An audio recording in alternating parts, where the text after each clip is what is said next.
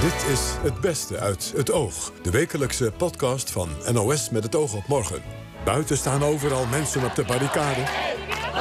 Binnen zit een tevreden Mieke van der Wij.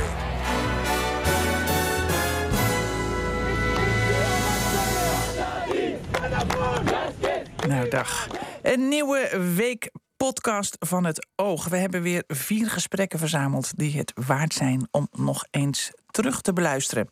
Een driedubbel LP met alleen maar gedichten en poëzie. Van Kampert en Lucebert tot Kremers en Wolkers. Marijn Hollestelle heeft ze allemaal verzameld. Poëzie is natuurlijk ook, ook klank en ritme. En je hoeft dit maar op te zetten en, en, en ja. ja je geniet ervan. Minister De Jonge was in Japan om te kijken hoe ze daar met vergrijzing omgaan. Waarvoor moet hij zeker zijn ogen open houden? Japanoloog Manja Koetsen weet het wel. Big data, kunstmatige intelligentie, robotisering en niet bang zijn dat daardoor mensen juist vereenzamen. Want he, omdenken, het zou juist die eenzaamheid misschien wel eens kunnen oplossen. Maar eerst dit. Staatssecretaris Blokhuis wil dat zelfmoordpreventie nummer 113 ook echt via 113 te bereiken is. Nu is het nog 0900 0113 en dat leidt tot verwarring. Zo zijn er twee zelfdodingen bekend van mensen die vergeefs 113 probeerden te bellen. Dit tragische nieuws bracht ons op de vraag hoe het werkt als je zo'n lijn belt. Vrijwilliger Ger Seelen vertelde over de gesprekken die zij voert en over haar motivatie om bij die lijn te werken. Um, de aanleiding was dat ik uh, revalideerde na een rugoperatie en ik een interview hoorde met uh, uh, onze helaas overleden directeur Jan Mokkerstorm. Hij vertelde over de problematiek van mensen die in een zelfmoordcrisis zitten, hoe, ze, hoe eenzaam ze zijn. En dat trof me heel erg. En ik dacht, nou, behalve dat ik aan het revalideren was, ik heb een heel goed leven. En uh, nou, het is niet verkeerd om uh, ook om me heen te kijken. Er is uh, blijkbaar ook heel veel verdriet en eenzaamheid en pijn.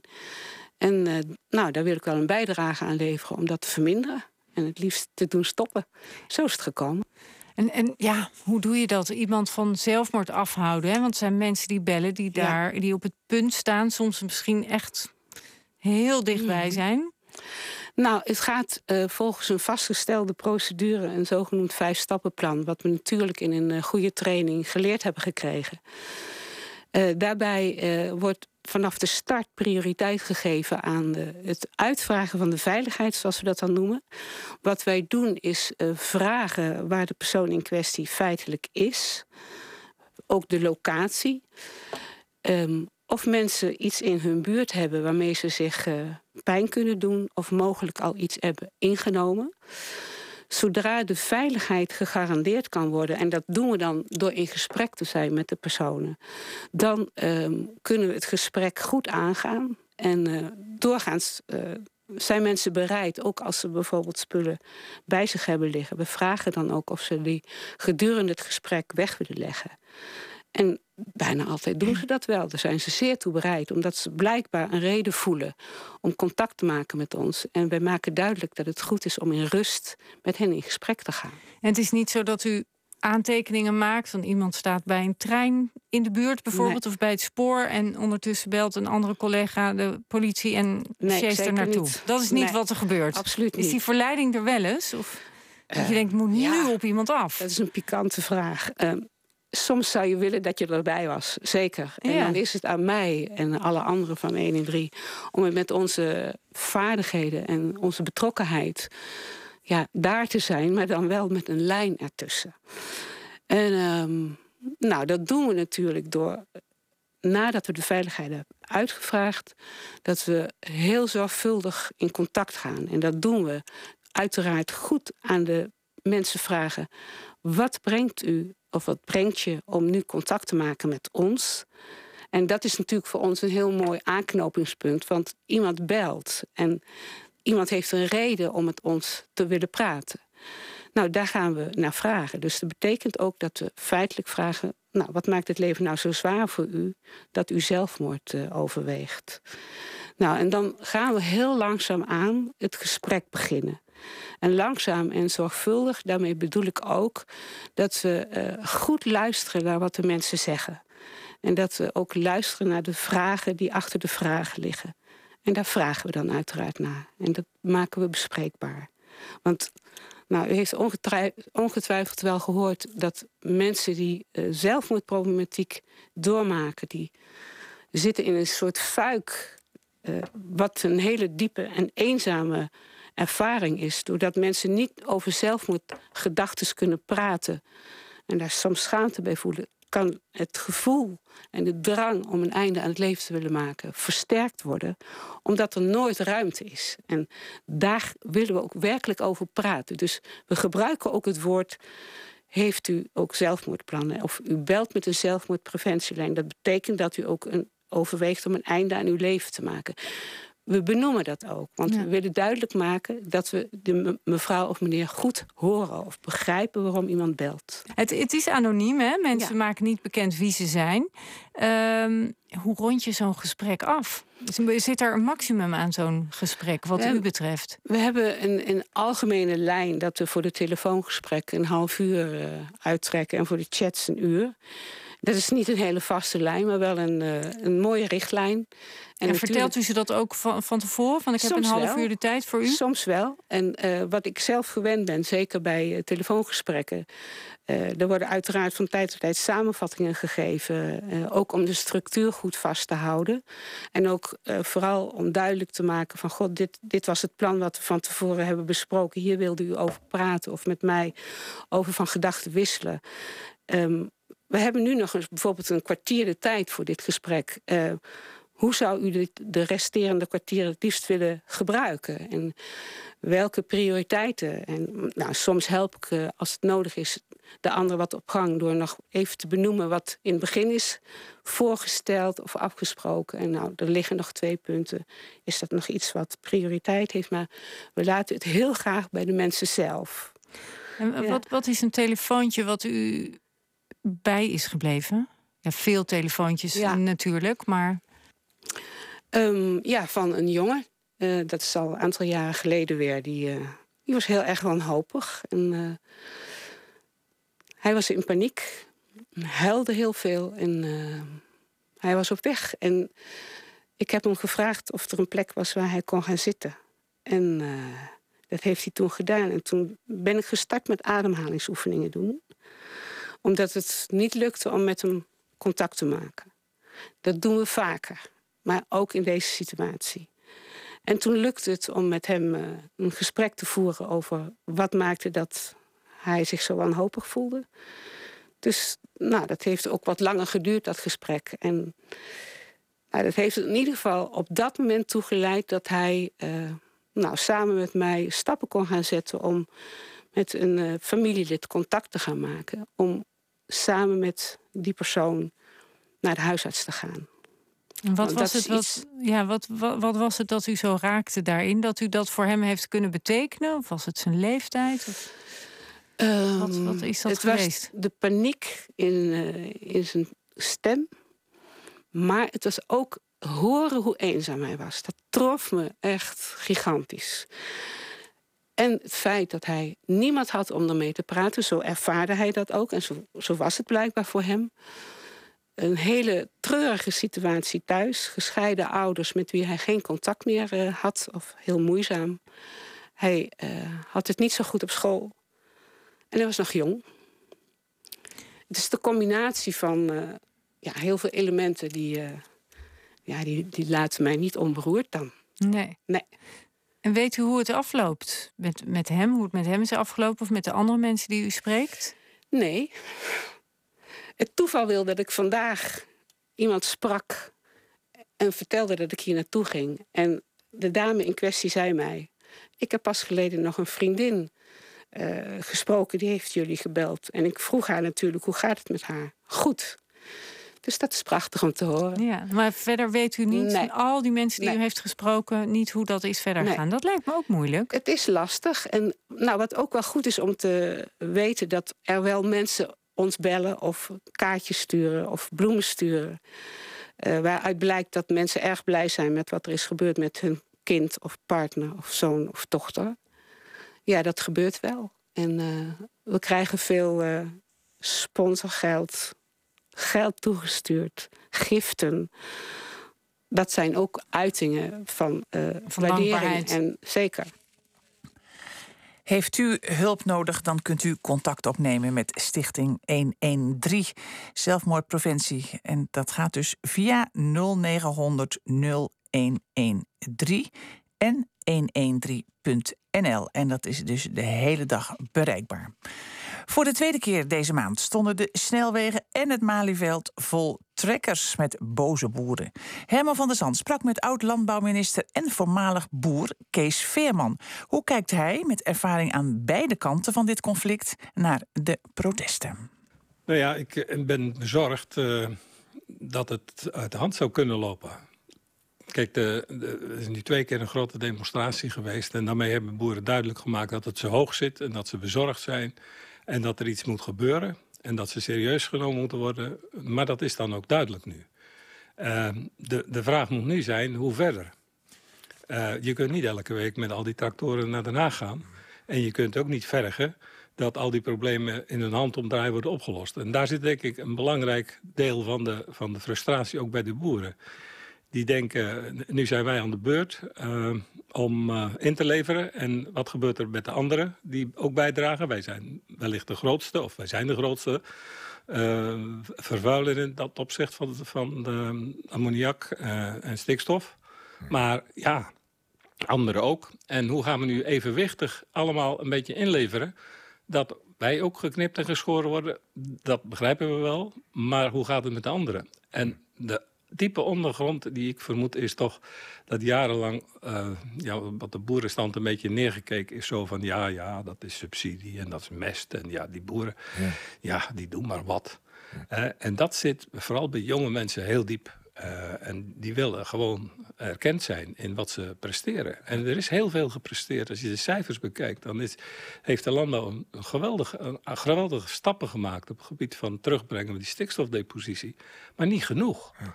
Uh, en, en, als je dat vergelijkt met andere sectoren, nou, die kunnen daar nog wel uh, een puntje aan zuigen. En als u zegt dat u bezorgd bent, uh, als u zegt u bezorgd bent, bent, bent u dan bezorgd over de, dat de acties steeds feller, harder en massaler worden? Of, of bezorgd over de toekomst van de boer? Beide.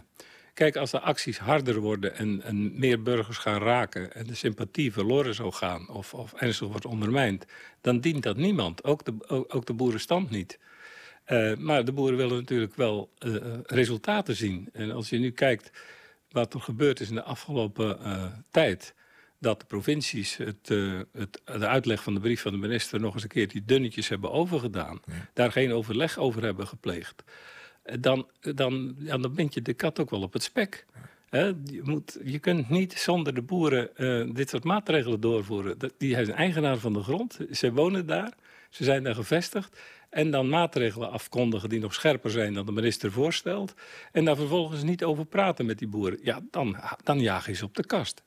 Dus dat moet, dat moet terug. Dat moet, uh, er moet een situatie komen dat we weer even rust krijgen. En zeggen, nou, hoe gaan we nou verder? Ja. En als je de, de rapporten van, van, uh, van Remkes bestudeert... dan is daar ook allerlei goede voorstellen bij... hoe je dat geleidelijk aan zou kunnen doen. Maar niet alles hoeft van vandaag op morgen maar we moeten toe naar een, een aanpak waarbij uh, via verstandig, uh, verstandig beleid... en ik zou voorstander zijn van een bemiddeling... Ja. een aantal verstandige mensen die zeggen... hoe gaan we dit nu nu verder doen. Ja, want, want, want, want, u begrijpt de positie waarin de boeren zitten. U begrijpt ook hoe het in de politiek gaat. U begrijpt, met die acties kunnen we niet verder. De-escalatie, maar ja. hoe dan? Ja, de-escaleren door tegen beide partijen te zeggen... laten we even uh, resetten. U zei een bemiddelaar?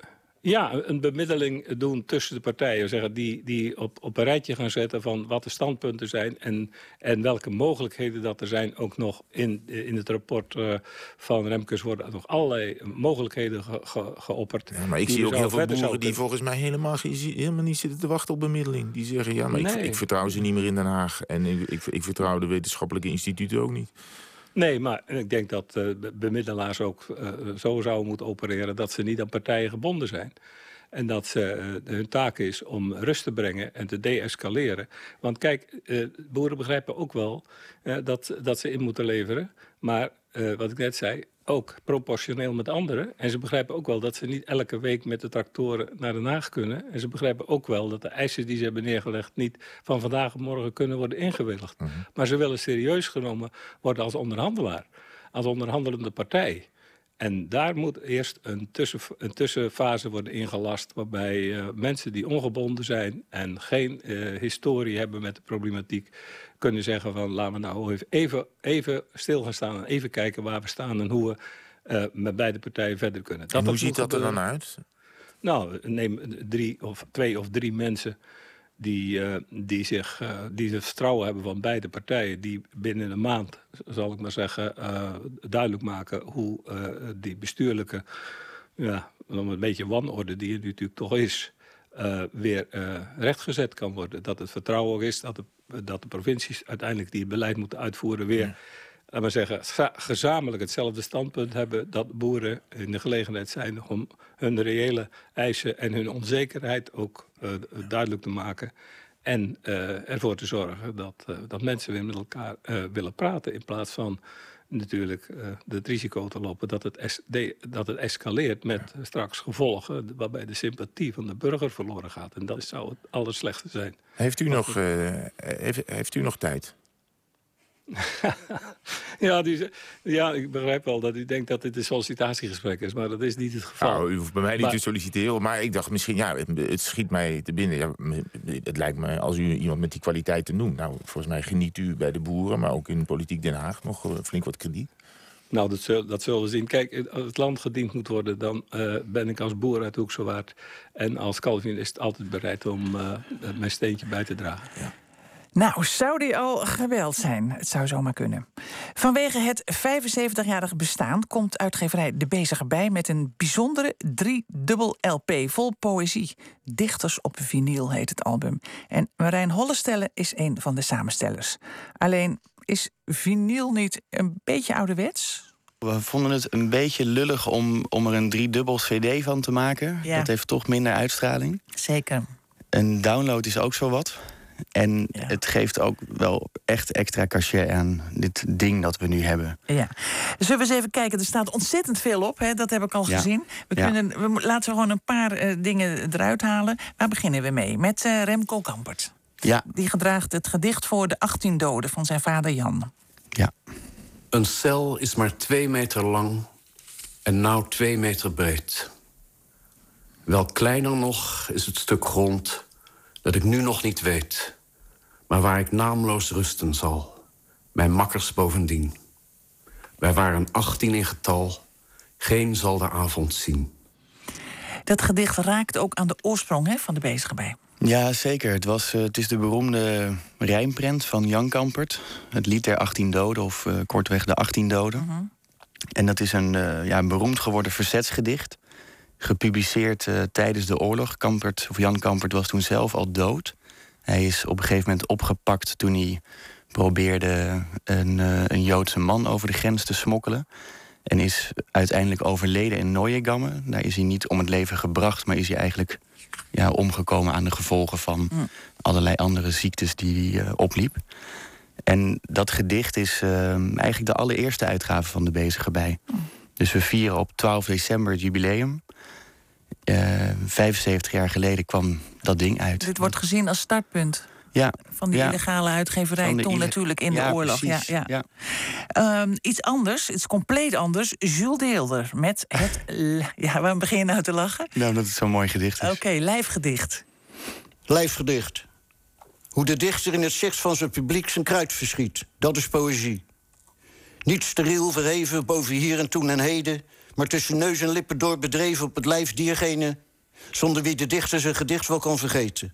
Hoe de dichter in het zicht van zijn publiek zijn angst verliest, dat is poëzie. Ja, typisch deelder, hè? Typisch deelder, ja. want zijn voeten uit. Ja, die opnames van Kampert, die, die was er al, die kwam uit 95. Hè? Maar deze hebben jullie zelf opgenomen, hè? Vertel eens, hoe ging dat? Ja, we hebben bewust eigenlijk alle dichters uh, opnieuw willen opnemen. Dus we hebben live registraties gemaakt van iedereen. En Jules die kon op die dag dat wij de, de studio hadden, kon die niet. Dus zijn we later nog naar hem toegegaan. Heeft hij ons ontvangen met open armen en een fles gin op tafel. En dit gedicht leest hij in een, ja, in een soort inloopkast, een soort klerenkast... waar aan weerszijden van de kamer Jules Deelder-achtige pakken hingen. En hij zit daar op een krukje uh, met een joint in zijn hand... als een soort daad eigenlijk, uh, typisch Deelder, uh, dit gedicht zo te lezen. Klinkt goed. Ja. Maar jullie hebben dus eigenlijk nauwelijks gebruik gemaakt van archiefmateriaal. Ja, alleen voor de historische opnames. Dus inderdaad dat gedicht van Kampert. Maar alle... Want je dacht, we gaan het nu niet meer vragen of hij dat nog een keer wil doen. Nee, we, Daar is hij te oud voor. Nou, hij staat met, uh, met een eigen gedicht. Staat Oh, hij op, op 89-jarige leeftijd. uh, nog prachtig ingelezen staat hij er ook nog op. Maar, maar, maar zijn er ook historische opnamen? Ja, zeker. Wat er staan uh, 18 historische opnames ik- op. Ja, F. Harmse van Beek zie ik bijvoorbeeld hier staan. Bij Ja. opgenomen Ja. bij de dichter thuis. bij haar thuis in 89, geloof ik. Ja? En er zitten bijvoorbeeld uh, opnames van Harry Mulisch zitten erop... die ook nog wel eens gedichten geschreven heeft. Waren die er allemaal nog? Ja, we hebben in de krochten van allerlei archieven gezocht. Ook hier op het Mediapark bij Beeld en Geluid. Lang gezocht. Eh, er bleken dingen ook eh, wel eens gestolen. Op het allerlaatste moment. Stolen? Ja, er- gaat een verhaal dat er is geknipt ooit in een soort. eh, in, in, in, de, in, de, in de fysieke archieven van de radio van de televisie. voor een opname van Jan Arends. En die hebben we uiteindelijk met een gouden tip van Nico Keuning, die de biografie van Arends heeft geschreven. Kregen we echt ter elfde uren te horen van joh, die opname die jullie op de plaat hebben staan, dat is Arends niet. Dus wij in paniek doorzoeken, doorzoeken, doorzoeken. Tot uiteindelijk die eh, verloren gewaande opname boven water kwam. En we hem nu dus toch hebben. Ja, want eh, zijn dat opnames die gemaakt zijn eh, bij radioprogramma's, televisieprogramma's? Dat, Ja, dat, dus dat we hebben ja. hulp gehad, onder andere van, van Poetry International. En dus ook inderdaad in televisiearchieven, bestaande luisterboeken. eh, Ja. Nou ja, ik zie hier ook bijvoorbeeld Tommy Wieringa staan, eh, Ramsi Nasser, eh, Frank Martinez, Arion, Paul Klaas. Ik bedoel, ik, ik noem er maar een paar mensen. Marcel Meuring, Stefan. Er staat, het staat ontzettend veel. Het zijn natuurlijk niet voor niks drie LP's geworden. Je had Ja. ook, je had ook een, een dubbel LP kunnen maken. Ja, niet bij de bezige bij. Hoezo niet? Omdat er zoveel, zoveel goede dichters zijn. Het Ja. was echt. eh, Oké. Jij zei net, het moest een driedubbel LP worden bij die bezige bij. Ze hebben zoveel dichters. Hebben zij meer dichters dan andere uitgeverijen? Vroeg me af.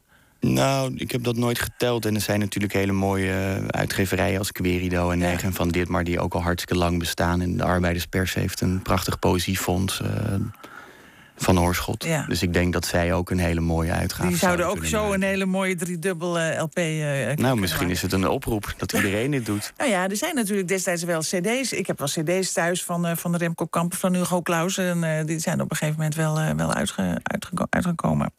Ehm, goed, de jongste op de driedubbel LP, wie is dat? Ja, dat is mooi. De, de oudste dichter die erop staat is Simon Vestdijk, geboren in 1899. Vertelde Wikipedia me. Eh, Hij, hij is zelf te horen. Ja, Ja. ja. Vestdijk een opname geloof ik. Want jullie hebben zoveel mogelijk de mensen zelf. eh, Alleen willen- maar. Iedereen Nou, staat met zijn eigen stem, behalve Jan Kampert. Ja. Omdat dat gedicht nooit... Nee, begrijp ik. Ja. Ja. En eh, de jongste dichter die erop staat, de allernieuwste, is Jens Meijen. Die ken ik niet. Nee, die is ook nog niet gedebuteerd. Oh, gelukkig. Dus dat komt eh, over drie weken komt zijn debuutbundel Xenomorph uit. Kijk, blijf kijken. Wacht tot de maan verdwijnt. Verdrinken in nachtregen, straalloos is de waas. De waas voor mijn ogen is beweging, de waas voor mijn ogen is een keerkring. Kantel dan, kantel toch. Kantel maar, kantel wel, tot er slechts gravitatie rond kernen in de kosmos, een andere wereld uitdijt als pupillen. Los op het gevoel echt te bestaan. Ik ben een geest die bezit neemt van een lichaam. Nooit zonder het plakken van mijn mond tot zwijgen. Nooit zonder het abstraheren van mezelf tot afwezige beleving. Nooit zonder het fragmenteren van de wereld tot een collectief bewustzijn. Ik ben wel blij dat er een eh, boekje bij zit met alle teksten. Zodat je dat nog eens eventjes kunt lezen. Want sommige gedichten die, die geven zich niet meteen prijs, laat ik het dan maar zo zeggen. Nee, maar die, die, dat, dat is ook zo mooi aan, aan eigenlijk ook wat, wat deelder dan in, in dat gedicht Ja. zei. Hè, van, ehm, poëzie is natuurlijk ook, ook klank en ritme. En hè, zoals de, de gedichten van Deelder Ja. Zo mooi ritmisch en zo'n mooie cadans hebben, heeft, heeft dit ook. Je hoeft dit maar op te zetten en, en, en Ja. ja. je geniet ervan. Dichters op vinyl is nu uit. Een driedubbel LP die er prachtig uitziet ook nog eens. In Japan worden meer luiers voor ouderen dan voor kinderen verkocht. Dat is pas vergrijzing. Minister Hugo de Jonge van Volksgezondheid was daar deze week om te kijken wat wij kunnen leren van die Japanse aanpak. Manja Koetsen is Japanoloog en zij vertelde mij hoe high-tech en ouderdom hand in hand gaan in Japan. U hoort eerst minister de Jonge over wat hij verwachtte van zijn missie. Een van de onderwerpen die daar op de agenda staat is hoe gaan wij om met wat men noemt the aging society. We worden in met name in het Westen worden we met elkaar steeds ouder. En dat heeft een hele positieve achtergrond. Want uh, de staat van de volksgezondheid is zo dat we met elkaar inderdaad steeds ouder worden. En, en dat steeds meer ziekten die voorheen fataal waren, eigenlijk tot chronische ziekten zijn gemaakt, omdat ze behandelbaar zijn. Maar dat betekent ook dat er wel heel veel meer zorg is, nodig is de komende uh, twintig jaar, zou je kunnen zeggen. Waarbij die vraag naar zorg misschien wel verdubbelt. Het aantal mensen met dementie bijvoorbeeld, dat zal de komende tijd uh, gaan verdubbelen, de komende twintig jaar. En dat is niet een ontwikkeling die je alleen in Nederland ziet. Die zie je eigenlijk in alle westerse landen. En in Japan het eerst eigenlijk van allemaal. En ook veel, uh, met veel uh, extremere getallen eigenlijk. En, en hoe men daar in de zorg mee omgaat, ja, daar hoop ik van te leren. Ja, ik zei net al, er worden meer luiers voor ouderen verkocht dan voor kinderen. Hoe groot is het in percentages? Dat... het aantal 65-plussers ja. op dit moment dat is uh, 27 procent. Ja. En wat voor problemen levert dat op? Nou ja, ze verwachten hm. over een aantal jaren, dat, is, dat, dat, duurt nog even... maar dat er voor elke tien werkenden zeven bejaarden zullen zijn. Dus, uh, en op korte termijn, al binnen zes jaar... verwachten ze een tekort van 380.000 werknemers in de zorg. Uh, dus dat is enorm. Er is echt een enorm tekort aan, uh, aan mensen... die echt hun handen aan het bed hebben bij deze oudere mensen. Ja, minister De Jonge is benieuwd naar die Japanse slimme zorg, zoals dat dan heet. Wat houdt dat in? Robots? Ja, zeker. Ja. Japan gaat steeds meer kijken naar hoe ze uh, de robotisering en digitalisering kunnen inzetten in de zorg. Um, maar ook gewoon voor het verbeteren van de levenskwaliteit van ouderen. Door, ja, door spelletjes te doen met ze, door ze gezelschap te houden. Dus op allerlei manieren moet die robotisering dat leven verbeteren. En, uh, en de werknemers in de zorg natuurlijk uh, ontstressen. Hè, dat zij meer tijd hebben voor andere dingen. Ja, en want die ouderen, ja, iedereen heeft denk ik wel eens zo'n filmpje gezien. Dat zo'n oudere dan vaak eigenlijk heel, goed reageert op zo'n robot. Ja, tot nu toe in Japan, uh, dit is iets wat voornamelijk sinds 2016... waar heel erg veel mee geëxperimenteerd wordt. En ze zien nu uh, dat uh, ze aan het experimenteren zijn... bij zo'n 5000 zorginstellingen. En ja, inderdaad dat er goed op gereageerd wordt... en dat het best wel veelbelovend is... dat mensen echt niet alleen mentaal erop vooruit gaan... maar ook fysiek. Ja, of zijn dat dan vaak uh, ouderen die gewoon al dement zijn... en dan gewoon niet meer in de gaten hebben dat het niet een echte poes is, maar een robot? Ja, dat weet ik niet. Dat zou kunnen. In, in het geval van Japan is het niet eens een poes, is het een zeehondje. Nou ja, dat is okay, paro. Ja. Oh. Zeehondje paro. Zeehondje, zo, ja. Ja, um, maar goed, ongeveer 15% is dement. Maar er zijn natuurlijk ook heel veel mensen die gewoon heel erg eenzaam zijn. Um, dus het helpt ook tegen eenzaamheid. En uh, ja, dat soort dingen. Maar we hebben het ook over assistentrobots. Hè? Dus gewoon robots die in de ochtend zeggen van... Ohio gozaimasu, goedemorgen, uh, we nemen een kopje thee... wat gaan we vandaag doen? Dus het brengt ook een soort van structuur aan. En veiligheid, want er zijn dus robots nu... die camera's in hun ogen hebben. En die kunnen dus zien het moment dat bijvoorbeeld een oudere valt in de kamer. Nou, en dat kan dan doorgegeven worden aan uh, werknemers in de zorg... die dan actie kunnen ondernemen. Ja, dus het, het is meer dan een beetje een gezellige... Uh, recreatief iets, zo'n robot. Het moet echt zorgtaken uh, overnemen. Ja, zeker. En dan kan je ook denken aan hele praktische dingen, zoals Panasonic. Die heeft een bed ontwikkeld dat automatisch in een rolstoel verandert. Dus het maakt mensen letterlijk ook veel mobieler. Die kunnen dat uh, met een stem kunnen ze dat bedienen. Wacht even, ik probeer het me voor te stellen. Een bed dat in een rolstoel verandert, dat vouwt zich dan op. Precies, onder je dus je zo. kan morgens als je hebt geslapen, kan je uh, of met je stem of met een joystick, kan je inderdaad met dat bed letterlijk omhoog komen en je voortbewegen. Dus uh, voor mensen die niet mobiel zijn, zorgt dat dat ze toch een bepaalde mate van mo mobiliteit hebben. Want uiteindelijk, als je met zo'n erge vergrijzing zit, dan gaat het er natuurlijk om dat je mensen onafhankelijker maakt. Ja. Uh, omdat er gewoon te weinig mensen zijn om voor ze te zorgen. Ja, maar goed, het zijn hele verschillende soorten robots dus. Want Klopt. in, in, in Japan wordt daar dus heel erg veel mee ge geëxperimenteerd. En, en zijn ze daar al heel ver mee. In Nederland wordt dat toch als een beetje onpersoonlijk en afstandelijk fenomeen gezien, zo'n robot. Zo van ja, het is eigenlijk toch ja, een, een, een, niet echt wat het zou moeten zijn. Echte zorg, echte mensen is beter, toch? Ja, wij zijn eigenlijk een beetje bang hè, voor robots. Ja, in dat het snap, Westen snap ik ook wel. Ik vind het ook best Ja. eng.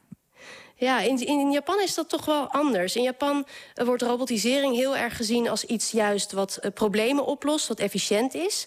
Maar voor Japanners zijn robots ook een soort van nationale trots. Eh, Japan noemde zich ook vaak die Electronic Nation. Eh, en dan zie je dus ook in de populaire cultuur van Japan dat robots altijd hele leuke en vriendelijke wezens zijn. Terwijl wij zitten hier met de Terminator, die heel erg eng is. En ze zitten daar met Astro Boy. Dus dat is, het is een heel ander beeld wat mensen ook krijgen van robots. Ja. Kan je dat eigenlijk ver- verklaren? Ehm, nou, verklaren cultuur zin- of zo? Ja, populaire cultuur heeft natuurlijk een invloed daarop. Maar eh, voor het naoorlogse Japan, eh, en helemaal vanaf de jaren zeventig... was Japan als, wat ik zeg, elek- elektronische leider van Azië natuurlijk heel belangrijk. Dus natuurlijk is dat een, een, een trots voor het land. Ja. Maar goed, aan de andere kant zijn ze in Japan ook weer heel traditioneel. Zeker, ja, ze zijn zeker heel traditioneel. Maar het grappige is dat je ziet dat die robots ook op zo'n manier worden ingezet dat het traditioneel wel blijft. Hè? Dus het wel heel erg van samen een kopje groene thee drinken of eh, samen de dag beginnen. Of ik bedoel, het hoeft niet te betekenen dat als je robots inzet dat alles verandert. De bedoeling is natuurlijk ook dat die mensen vooral gesteund worden en hun normale leven juist kunnen blijven leven. Dus eh, ik denk dat Japan ook heel erg wil laten zien dat het transformeren van een maatschappij op die manier, dat het niet hoeft te betekenen dat je mensen hun leven ontwricht. Nee. Eh, De vergrijzing gaat nog steeds verder, want er worden gewoon heel weinig kinderen geboren hè, in Japan.